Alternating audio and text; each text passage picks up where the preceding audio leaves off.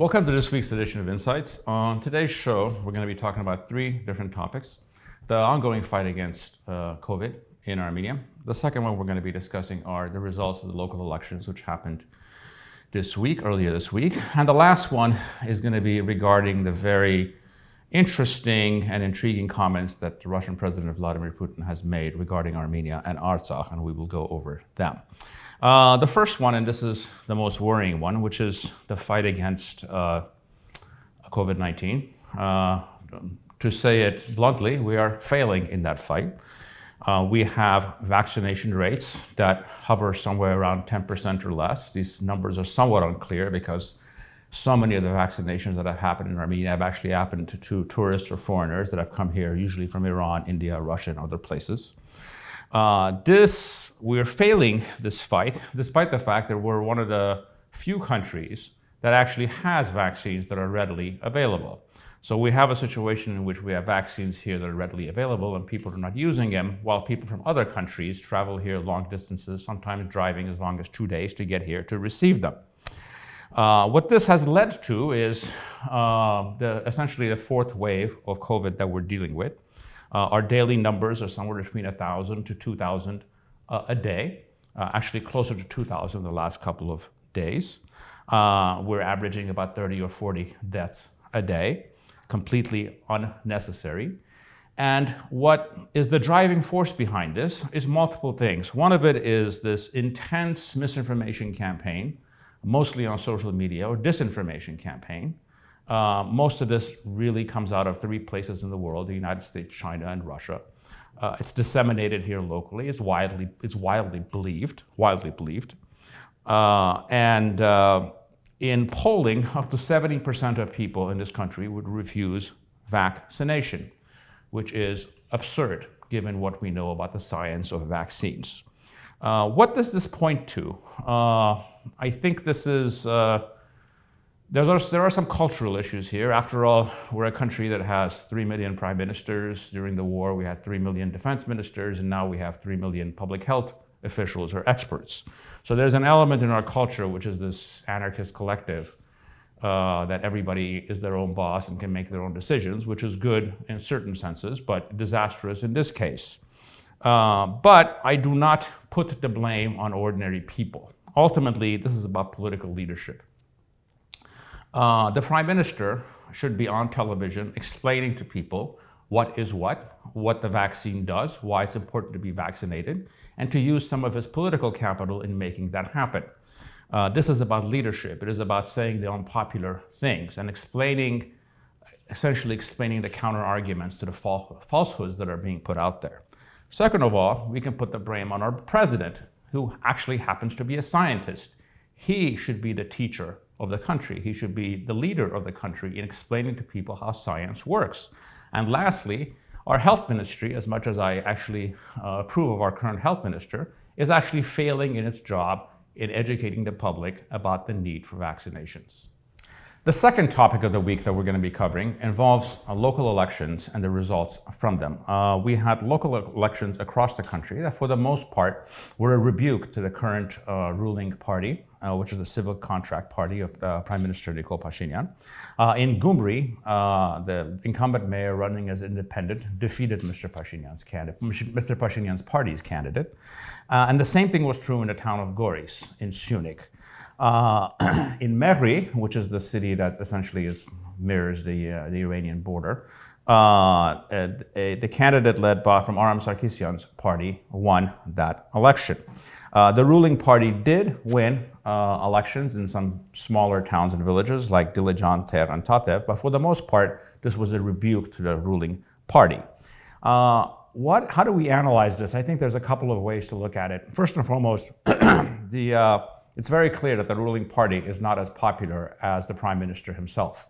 Uh, what this means is that if he's not leading the ticket, he cannot deliver based on his party because politics in Armenia is so personalized that it's really not about his party, it's about himself, which means essentially beyond himself, he can't necessarily deliver for other people to the extent that he could for himself.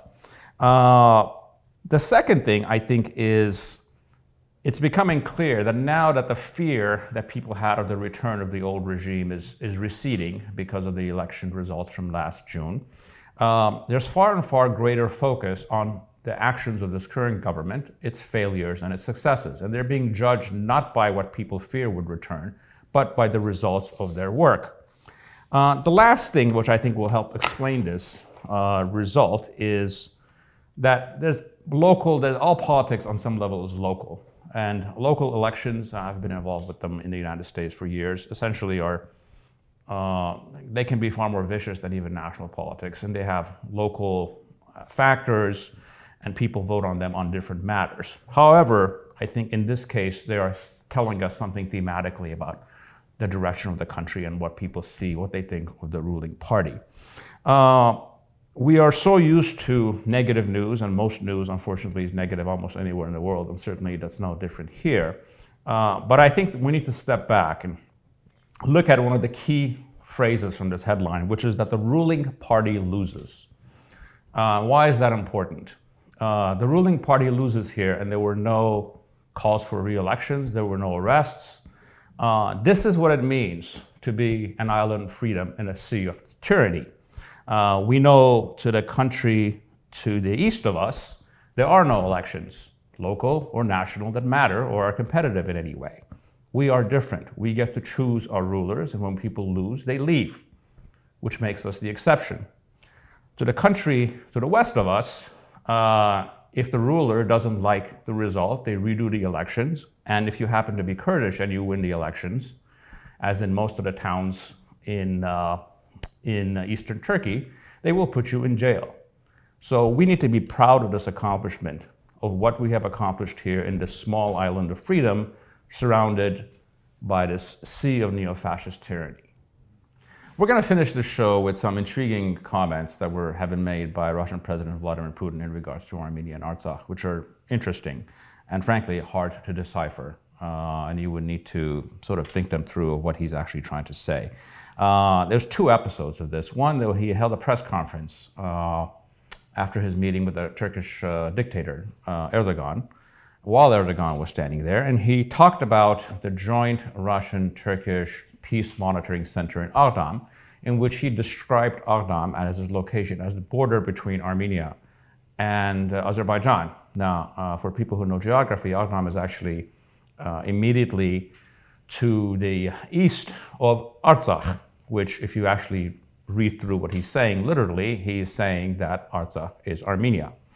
The second one, which uh, happened during a uh, Zoom call of the CIS leaders, CIS being the Commonwealth of Independent States, which are essentially all the, all the countries of the former Soviet Union except the Baltic states, uh, where Ilham Aliyev himself was on the Zoom call, uh, he talked about Russian demining works that are being done in Azerbaijan and in Armenia. Well, the only demining works that are being done uh, by Russian peacekeepers is actually in Artsakh and in, in, in territories controlled by the Azeri dictator, which again, if you read through it, he is clearly defining Artsakh as Armenian. Now, what does this mean? Uh, we really don't know what it means. Uh, there are people speculating that Mr. Putin can be having his senior moments. Uh, and there's others who say that a guy who is as deliberate as he is, uh, where he doesn't, he doesn't utter unmeasured words, these are clear demarcation lines of what he thinks is what and who belongs to whom. Uh, and and by doing so, sending a clear message both to the Azeri and the Turkish regimes of what he thinks of Artsakh and its status. Frankly, we will never know what he means, and I think what we should not do is uh, either take comfort in what he says, if he thinks he's essentially declaring Artsakh Armenian, or not. Uh, you have to have the kind of politics, you have to have the kind of country, you have to have the kind of military where you're not dependent on the kindness of strangers. So we should note what he said, understand it uh, for what it's worth, but we should not be distracted about the job that we need to do, which again, as we have said repeatedly, is to build a competent state, a competent military, and a competent economy. Thank you for joining me in this week's edition of Insights.